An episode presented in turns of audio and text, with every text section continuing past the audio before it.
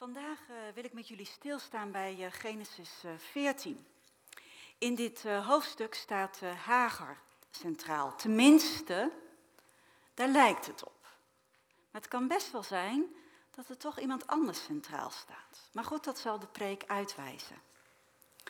Maar voordat ik het verhaal ga voorlezen, wil ik even een opmerking maken voor degene die meeleest in hun eigen Bijbel. Ik heb namelijk de tekst van de herziende statenvertaling aangepast. Ik heb een aantal woorden veranderd. Het Oude Testament is, eh, zoals we weten, vanuit het Hebreeuws naar het Nederlands vertaald. En Hebreeuwse woorden kunnen vaak met meerdere Nederlandse woorden vertaald worden. En een aantal vertalingen doen dat ook. Die maken van die optie gebruik. En op die manier leest het verhaal veel vlotter. En wordt er eigenlijk ook woorden gebruikt die wij ook zelf zouden gebruiken als wij het verhaal zouden moeten schrijven. Dus het heeft veel voordelen. Maar een nadeel is dat wij eigenlijk niet meer zien terwijl wij lezen dat de schrijver dezelfde Hebreeuwse woorden heeft gebruikt. En daardoor zien we niet dat er bijvoorbeeld een herhaling in zit of dat hij een woordspel maakt met de woorden. En daarom zijn de andere Bijbelvertalingen die concordant vertalen. Een concordant is niets anders dan dat je hetzelfde Hebreeuwse woord zoveel mogelijk hetzelfde Nederlandse woord meegeeft. En omdat we vandaag een tekst hebben waar mijn inziens een aantal woorden eh, centraal staan en een mooie lijn ook in het verhaal geven, heb ik dus aan de herziende statenvertaling, die sowieso eigenlijk al heel concordant uh, vertaalt, toch een, andere, ja, toch een paar woorden anders vertaald, zodat terwijl je meeleest eigenlijk al kunt zien waar gaat het in dit verhaal om. Dus dat scheelt weer preken, we hoeven het alleen maar te lezen en dan weten jullie het. Tevens heb ik uh, van een aantal uh, namen heb ik de betekenis in de tekst opgenomen. Goed, genoeg inleiding. En nou moet ik dus het verhaal voorlezen van papier uit en niet uit de Bijbel. En dat vind ik zo vreemd. Maar ja, ik heb een aantal veranderd, dus ja, het, het, kan niet. Maar dat je niet voorleest uit de Bijbel, dat was even voor mij uh, wennen. Maar goed, van papier dus. Genesis 16. Maar Sarai, vorstin voor mij, de vrouw van Abraham, had hem geen kinderen geschonken. Nu had zij een Egyptische slavin, van wie de naam Hagar, de zwerfster, was. En daarom zei Sarai tegen Abraham, zie toch, de Heere heeft mijn baarmoeder gesloten, zodat ik geen kinderen kan krijgen. Kom toch bij mijn slavin. Misschien zal ik uit haar nageslacht krijgen. En Abraham hoort naar de stem van Sarai. Toen nam Sarai, de vrouw van Abraham, Hagar, de Egyptische, haar slavin, nadat Abraham tien jaar in het land Canaan gewoond had, en gaf haar aan Abraham, haar man, als vrouw voor hem. Hij kwam bij Hagar en zij werd zwanger. Toen zij nu zag dat ze zwanger geworden was, was haar meesteres niets meer in haar ogen. Toen zei Sarai tegen Abraham, de verantwoordelijkheid voor het onrecht dat mij wordt aangedaan ligt bij jou. Ik heb jou zelf mijn slavin in je schoot gegeven, maar nu zij ziet dat zij zwanger is geworden, ben ik niets meer in haar ogen. Laat de Heer oordelen tussen mij en jou. En Abraham zei tegen Sarai, zie, jouw slavin is in jouw macht. Doe met haar wat goed is in jouw ogen. En toen vernederde Sarai haar, zodat zij wegvluchtte voor haar ogen. De engel van de Heer vond haar bij de waterbron in de woestijn, bij de bron aan de weg naar Sur. En hij zei, Hagar, slavin van Sarai. Waar komt u vandaan en waar gaat u heen? En zij zei, ik ben op de vlucht voor mijn meesteres Sarai. Toen zei de engel van de Heer tegen haar, keer terug naar uw meesteres en verneder je onder haar hand. Verder zei de engel van de Heer tegen haar, ik zal uw nageslacht zeer talrijk maken, zodat het van de, vanwege de menigte niet geteld kan worden. Ook zei de engel van de Heere tegen haar, zie, u bent zwanger. U zult een zoon baren.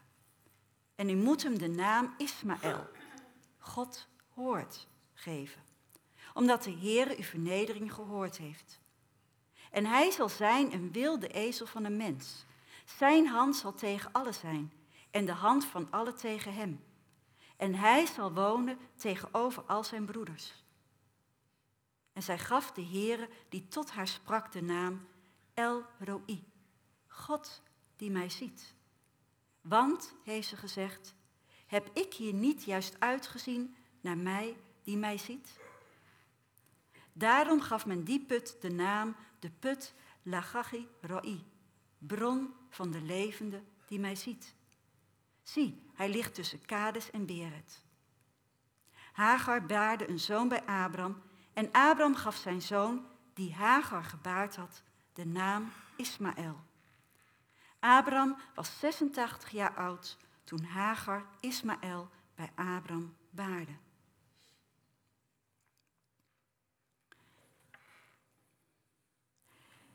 Maar Sarai, vorstin voor mij, vers 1, de vrouw van Abram, had hem geen kinderen geschonken.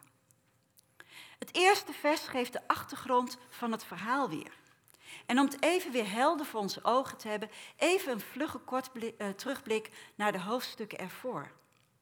In Genesis 11 hebben we kunnen lezen dat Abraham Sarai tot vrouw neemt en dat ze geen kinderen kan krijgen. En er staat nog eens nadrukkelijk achter, ze heeft geen kinderen. En dan in hoofdstuk, 5, in hoofdstuk 12 staat beschreven hoe Abraham geroepen wordt door God. God zegt tegen Abraham, ga. En hij krijgt een, onder andere de belofte mee dat God zijn nageslacht zeer talrijk zal maken. En in Genesis 15 wordt die belofte door God herhaald. Opnieuw zegt God tegen Abraham, jouw nageslacht zal zeer groot zijn. Kijk eens naar de sterren. Kun je die tellen? Nou, zoveel nageslacht zul jij krijgen. En het zal uit jouzelf komen. En die belofte ontvangt Abraham. En als Abraham die belofte hoort, dan staat er in de Bijbel, en hij, dat is Abraham, geloofde in de Heer. En die rekende hem dat tot gerechtigheid. En dan wordt het verbond gesloten. Dus Abraham en Sarai weten dat ze een groot nageslacht zullen krijgen. Dat is hun beloofd. En ze weten dat Sarai onvruchtbaar is. En dat is de beginsituatie. Een beetje een tegenstelling, lijkt me. In de rest van de vers 1 wordt dan Hagar geïntroduceerd. Nu had zij, dat is Sarai, een Egyptische slavin, van wie de naam Hagar, de zwerfster, was. Hagar is dus de slavin van Sarai. En het gebeurde in het oude nabije oosten wel vaker dat een vrouw, dan moest ze wel een bepaalde financiële status hebben, maar dan had ze een eigen slavin en soms wel meerdere. En die vielen ook onder haar, haar gezag. Die slavin was verantwoordingsschuldig aan haar meesteres en niet aan de man van haar meesteres. Vaak kreeg je deze slavinnen mee als je ging trouwen. Dat was dan eigenlijk je voedster geweest en het was een soort bruidschat die je meekreeg, jouw persoonlijke dienstmeisje. En dat is dus Hagar van Sarai, haar persoonlijke dienstmeisje, haar slavin. En met behulp van deze slavin wil uh, Sarai God een handje helpen. Want als Abraham nu een kind verwekt bij deze slavin, dan geldt dit kind als zijnde het kind van Sarai. En zo wordt dus de belofte van God dan vervuld. Want dan heeft Abraham toch een kind uit zichzelf. En nou, dan hebben we al in ieder geval een mooie start voor dat uh, zeer uh, talrijk nageslacht. Want hebben we gelezen in vers 3. Er zijn inmiddels wel tien jaar verstreken sinds die belofte. Tien jaar. Als je wacht op een kind, is een jaar lang. twee, drie, vier. Maar tien jaar, dat is gewoon onmenselijk. Tien jaar wachten op een kind. En daarnaast, Abraham is 86. Ik bedoel, ja, ook een beetje reëel zijn, toch? Dat is de Bijbel ook. En hij heeft een belofte. Niet één, maar twee keer heeft God het herhaald. Kom op. Toch? Beloofd is beloofd. En zeker als God het belooft. En dan niet één keer, maar twee keer. Maar nee, Sarai is nog steeds niet zwanger. En God heeft, zoals Sarai zelf zegt in vers 2, haar baarmoeder gesloten. Maar wacht eens even. Als God nou belooft dat mijn man een kind krijgt en mijn baarmoeder is gesloten, ben ik dan eigenlijk wel degene die dat kind moet baren? Ik bedoel, hé, hey, heb ik eigenlijk niet iets verkeerds gezien dan? Is het dan niet zo dat God door middel van mijn slavin dat kind wil geven? Hebben wij die belofte eigenlijk wel goed begrepen? Hebben wij die belofte eigenlijk wel goed geïnterpreteerd? Want ik bedoel, God kan natuurlijk ook door mijn slavin dat kind geven. En wat Sarai dacht, was heel gangbaar in die tijd. In die tijd was het normaal dat als je geen kinderen kon krijgen, dan gaf je jouw slavin, dat moest dan wel echt jouw slavin zijn, het mocht niet zomaar een slavin zijn en zeker niet de slavin van je man, maar het moest jouw persoonlijke slavin zijn. Die kon je dan aan je man geven, die uh, had dan uh, geslachtsgemeenschap met haar. Als daar een kind uitkwam, dan uh, werd dat gezien als jouw kind. Er zijn ook wettelijke regels voor die we hebben uit die tijd en het was prima dichtgetimmerd. Dus eigenlijk hebben Abraham en Sarai gewoon tien jaar verkeerd gedacht.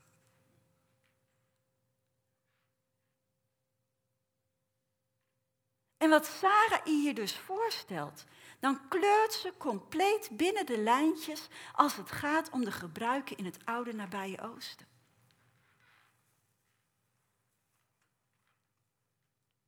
En ze, en ze kleurt er compleet buiten als het gaat om geloof.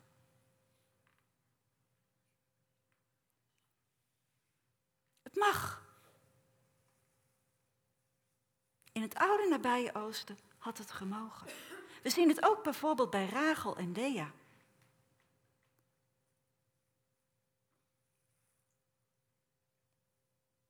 Maar het spreekt niet van geloof. Maar voordat we nou een te hard oordeel vellen, bedenk wel dat God ook initiatief van ons verwacht. Als God ons iets belooft, betekent dat niet dat hij zegt, nou pak een stoel, ga lekker achterover zitten en uh, wacht maar tot het gebeurt. Er zit ook een stukje eigen verantwoordelijkheid.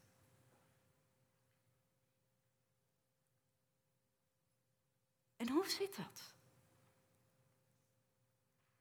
God wil ook dat wij in actie komen. En al gaandeweg met Hem zal Hij ons dan laten zien hoe Hij die belofte in, door en voor ons vervult. Maar ook wij dragen een stukje verantwoordelijkheid. God pampert ons niet. En daar zit dat spanningsveld. Een heel lastig spanningsveld. Van waar rust je in God? Waar vertrouw je op God? En waar neem je eigen verantwoordelijkheid? En ik denk dat die grens ligt in neem jij je verantwoordelijkheid terwijl je rust in God? Of pak jij je verantwoordelijkheid en kom je uit die rust? Ik denk dat de belangrijkste actie die God van ons verwacht is, dat wij hem blijven geloven. En dat we in feite gewoon toch maar die stoel pakken en zeggen: Oké, het is uw belofte. Dus ik kan gewoon gaan zitten. U duwt. En wel degelijk actief. En ik kijk wel degelijk en ik zal echt wel zeggen, oh, daar ligt de stoeptegel. U wist dat natuurlijk al, maar goed, u wilt dat ik meedoe. Let even op, maar ik rust in u. En ondertussen rijdt die stoel overal waar u mij brengen wil. En ik denk dat dat het grote verschil is. Maar het is altijd dat spanningsveld. Wat wil God van mij? En waar mag ik, moet ik het aan Hem overlaten? Geloof. Dat hebben we nodig. En door dat verlangen naar dat kind worden de rollen in het huisgezin van Abraham omgedraaid. In Genesis 13, dan vlucht Abraham voor een hongersnood naar Egypte. En dan zegt hij tegen zijn vrouw, ah, jij bent zo mooi. Weet je, zeg even dat je mijn zus bent, anders zullen ze mij doden. En inderdaad, de Egyptische farao denkt, nou, dat is niet verkeerd. En wat doet Abraham? Hij geeft zijn vrouw aan farao. En wat doet Sarai in dit verhaal? Zij geeft haar slavin aan Abraham. Van gever wordt Abraham ontvanger. En van pion wordt Sarai wordt initiatiefneemster. En de woorden die de schrijver gebruikt in Genesis 14, heeft hij ook gebruikt in Genesis 3, vers 6. Als hij beschrijft wat Eva bij de boom doet. Eva die neemt van de boom, van goed en kwaad. En die eet ervan terwijl dat niet had gemogen. En daarna geeft ze aan Adam. En zo neemt Sarai haar slavin en geeft het aan, Adam, uh, aan Abraham. En zoals Adam naar de stem van zijn vrouw hoorde in de hof van Eden, zo hoort Abraham naar de stem van Sarai. En zonder dat de schrijver expliciet zegt wat hij van dit geheel vindt, maakt hij het duidelijk door dezelfde woorden te gebruiken als bij de zondeval. Sarai neemt de leiding en Abraham hoort naar Sarai. Hagar? Oh nee, die heeft geen stem in dit verhaal. Die wordt niet gezien, niet gehoord. Hagar is gewoon een slavin, een instrument. Ironisch genoeg wordt dit instrument wel meteen zwanger. In vers 4. En dat leidt ertoe dat in haar ogen haar meesteres niets meer is. Er staat niets meer is in Hagars ogen. Datgene, diegene, naar wie niet gehoord en niet gezien werd, die toont nu ook zelf geen mededogen. En die houding die steekt Sarai. Het irriteert haar. Ze dacht het probleem in haar gezin opgelost te hebben. Ze dacht, kijk, wij hebben geen kinderen, hup, mijn slavin, hebben we het probleem opgelost, eens en voor altijd klaar. Maar nou zorgt het ervoor een nieuw probleem. En als Sarai haar beklag doet in vers 5 bij Abraham, dan antwoordt Abraham haar dat ze zelf het probleem maar moet oplossen. Het is immers jouw slavin, Sarai. En opvallend is dat in vers 5 en 6 de naam van Hagar niet wordt genoemd. Zowel Sarai als Abraham spreken over slavin. Al is Hagar zwanger en zou door haar de belofte vervuld moeten worden, ze is nog steeds niemand. Ze is iets, een slavin, maar niet iemand. En als Abraham Sarai toestemming geeft om maar te doen met Hagar, met de slavin, wat, hij, wat ze wil doen, dan vernedert Sarai Hagar. En het Hebreeuwse woord voor vernederen wordt ook, uh, wordt ook gebruikt om aan te geven hoe de Israëlieten in Egypte later behandeld worden. Voordat God hen bevrijdt uit Egypte, worden ze daar vernederd. op dezelfde wijze als dat Sarai nu Hagar vernedert. Dus nu vernedert Hagar, uh, sorry, Sarai een slavin, een Egyptische slavin. En later zullen op dezelfde wijze de nazaten van Sarai, de Israëlieten, vernederd worden door de Egyptenaren. En als jij iemand vernedert, dan is die iemand niets in jouw ogen. Minachting. Je kijkt op hem neer. En dat doe je vaak zodat die ander ook niets wordt in zijn eigen ogen. En zo houden deze twee vrouwen elkaar klem. In de ogen van Hagar is Sarai niets. En in de ogen van Sarai is Hagar niets. Beide vrouwen zien elkaar niet zitten, niet staan. En als reactie hierop vlucht Hagar. In vers 7 lezen we dan dat de engel van de Heer haar vindt bij een waterbron in de woestijn. Over die identiteit van die engel van de Heer is veel discussie. Een groep theologen, waaronder de vertalers van de herziene staatvertaling, menen dit, uh, dat dit een waarneembare manifestatie van God is. Dus die engel van, van de Heer is dus eigenlijk God zelf. Dus Hagar ziet God. Een andere groep theologen menen dat het slechts een zeer speciale engel van God is, die God heeft gestuurd om, uh, heren, zeer een speciale engel die God heeft gestuurd om een boodschap van God uh, over te brengen. En die engel die vertegenwoordigt dan alleen maar God. Het is dus niet God zelf.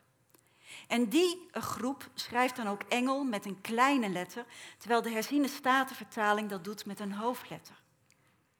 Nou, die discussie over wie nou gelijk heeft, of het nou wel of niet uh, God zelf is, die is hier niet belangrijk. Waarom ik het noem is om aan te geven, God stuurt niet zomaar een engel. Überhaupt trouwens lijkt me een engel op je pad komen sowieso wel heel bijzonder, maar dit is dus eigenlijk nog een overtreffende trap. Alsof God zegt, nee, een engel is niet zomaar genoeg. Ik wil weten, Hagar, dat jij gezien bent. En nou doet God dus iets wat Sarai en Abraham hebben nagelaten. God neemt een verantwoordelijkheid op waar Sarai en Abraham dat niet deden. Wiens schuld is het dat Hagar zwanger is? Oké, goed. Ze had misschien wat positiever naar haar meesteres kunnen kijken. Maar het is Sarah's plannetje geweest. Nou pakt dat niet uit zoals ze had verwacht. En wat doet ze dan? Doei. Zoek het lekker uit. Eigenlijk zou dat God heel goed mooi uitkomen. Ik bedoel, want ik denk ook niet dat hij van plan was, dat weet ik trouwens wel zeker als je de rest van de Bijbel leest, dat dat kind door Hagar zou komen. Dus eigenlijk zou God nu kunnen denken, oh gelukkig, Sarah heeft mijn plan in de war gebracht, maar ze doet het ook weer goed, want ze wiebert haar weg. Weet je, dan kan ik doorgaan met mijn oorspronkelijke plan. Dus eigenlijk zou het God heel goed, heel mooi uitgekomen zijn. Toch? Maar zegt God, nee, nee. Zo zit ik niet in elkaar. Ik ga Hagar niet van het toneel afvoeren. Ben je gek? Je hebt een keuze gemaakt, er horen consequenties aan. Als jij je er niet aan houdt, ik hou me er wel aan. Hagar is mij kostbaar. En dat geldt ook voor ons. Hoe wij God ook voor de voeten lopen. Hoezeer wij het ook verknallen. God voert jou nooit af. Jij blijft op zijn toneel staan. Hij past het wel in in zijn plan. En hij brengt er wel een keer in, zodat het ten goede komt. Hij pakt zijn verantwoordelijkheid op.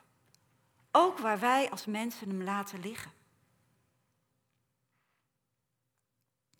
En dat God dat hele gebeuren onder controle heeft, dat Hij er zelf over waakt, dat blijkt ook wel uit het feit dat de engel zowel Hagars naam kent, als haar positie, als haar situatie. Hij spreekt haar aan met Hagar, slavin. En later zegt hij dat ze zwanger is.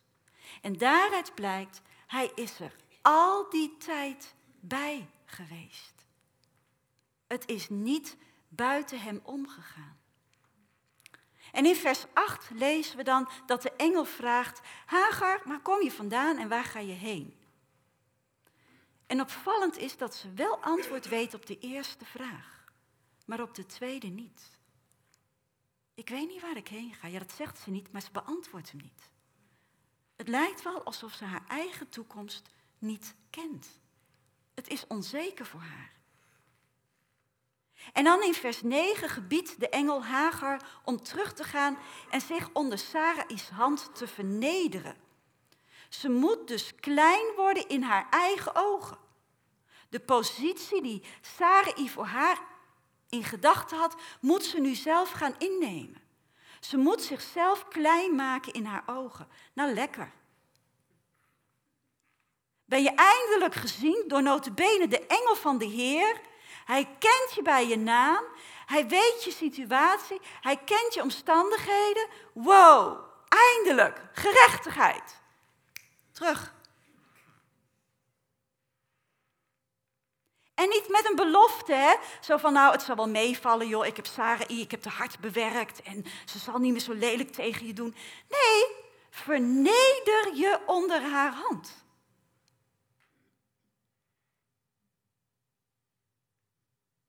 Ik weet niet of ik zoveel zin had gehad. Neem je niet op, hè? Dat knip je eruit. Maar we lezen helemaal niet dat Hagar zegt, ja, maar Heer, dat kan niet. En we lezen niks. Kennelijk is die ontmoeting met die engel van de Heer zo ingrijpend in haar leven dat ze denkt, het is goed. Als u dat zegt, dan ga ik. Na deze opdracht geeft de engel van de Heer haar namens God een belofte. Haar nageslacht zal zo taalrijk zijn dat het niet te tellen is. En die belofte doet denken aan de belofte die God Abraham had gegeven. Ook diens nageslacht zou zo groot zijn dat het niet te tellen was. En ook later krijgen Isaac en Jacob die belofte. Dus nog voordat er één kind gebaard is, krijgt ze de belofte dat die zwangerschap, het kind wat komt, nog maar slechts een begin is. En vervolgens vertelt de engel dat ze zwanger is van een jongetje. Zonder echo weet ze het. En als ze geboren is, dan moet ze hem de naam Ismaël geven. God hoort. God heeft gehoord hoe vernederd ze is onder Sarai's hand. En zo maakt de engel duidelijk dat ze niet alleen gezien is, maar ook gehoord en verhoord. Want als in de Bijbel staat dat God hoort, betekent dat ook dat Hij vroeg of laat zal ingrijpen. En op dit feit reageert Hagar in vers 13. Uit haar reactie blijkt dat ze niet zozeer verheugd is over het feit dat ze een jongen krijgt, dat er een talrijk nageslacht komt, dat die jongen uh, de vrijheid zal hebben die zij zo verlangt. Nee, uit vers 13 blijkt dat ze zich verheugt omdat ze God heeft ontmoet. Omdat ze hem die haar gezien heeft, heeft ontmoet. En daar is ze vol van. Het raakt haar. Zij was slechts instrument in de hand van Sarai en Abraham. Ze diende slechts om dat kind te krijgen. Ze werd niet gehoord en gezien door Abraham en Sarai. Maar nu weet ze zich gezien door God. En het raakt haar zo diep dat ze niet zoals gebruikelijk is de naam des Heren aanroept, maar God zelf een naam geeft. En daarmee is ze de eerste in de Bijbel. Dus het is niet een traditie waarop ze terugvalt, maar dit komt uit het diepst van haarzelf. En ze noemt God El Roi. Hij die mij ziet. Want hier heeft ze gezien die naar haar ziet. En die waterbron, de put waar ze zich bevindt, noemt ze Lachai Roi, bron van de levende die mij ziet. In vers 15 en 16 lezen we dan dat Hagar Ismaël baart. En opvallend, wiens naam ontbreekt in deze twee versen? De naam van Sarai. Sarai wilde Abram haar slavin geven, zodat het kind van de slavin als haar kind zou gelden.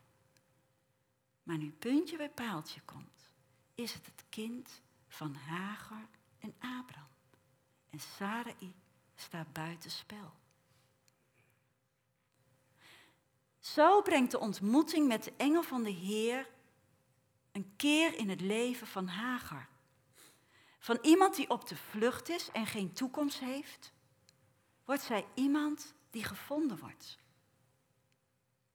Van iemand die niet gezien wordt, wordt zij iemand die weet dat ze gezien is. Van iemand die niet gehoord wordt, wordt zij iemand die weet dat ze gehoord is. Van iemand die buiten de belofte staat, wordt zij iemand die zelf een belofte ontvangt. Door een ontmoeting met een engel van de Heer. 2000 jaar later, nadat die engel Hagar ontmoet heeft, stuurt God opnieuw een engel. Opnieuw naar een vrouw. Deze vrouw is nog niet zwanger. Ze is zelfs nog maagd. Maar die engel die belooft haar, jij zult zwanger worden. En jij zult een zoon krijgen. En ook deze vrouw krijgt van de engel te horen hoe ze haar zoon moet noemen. Ze moet hem noemen Jezus. En God heeft Jezus gestuurd om een keer te brengen in het leven van de mensen die Hem zullen ontmoeten. Jezus is gekomen om degenen die op de vlucht zijn en geen toekomst te hebben, om die te vinden en een toekomst te geven. Om degenen die niet gehoord te worden, om daarnaar te luisteren. Om degenen die niet gezien worden, om die te zien. En om degenen die geen deel uitmaken van de belofte, in de belofte te omarmen. En die levensveranderende ontmoeting met degene die God gestuurd heeft, met Christus, hebben we denk ik allemaal al gehad. Maar ook als we Christus al als Verlosser en Heer hebben ontvangen, dan kunnen we ons niet gehoord en niet gezien voelen. Thuis, op ons werk, in de kerk, waar dan ook. Wij kunnen ons zicht op de toekomst kwijt zijn geraakt. En we kunnen het idee hebben dat de beloften niet meer voor ons gelden. Net zoals dat de kinderen zich nu niet, misschien niet gezien voelen. Gehoord waren ze wel. Maar dat kan ook, kan ook ons overkomen. Maar weet dan, je bent gezien. Je bent gehoord. Je bent gevonden. Je mag het misschien niet zo ervaren.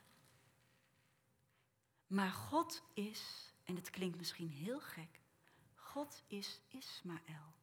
God hoort. God is El Roi, de God.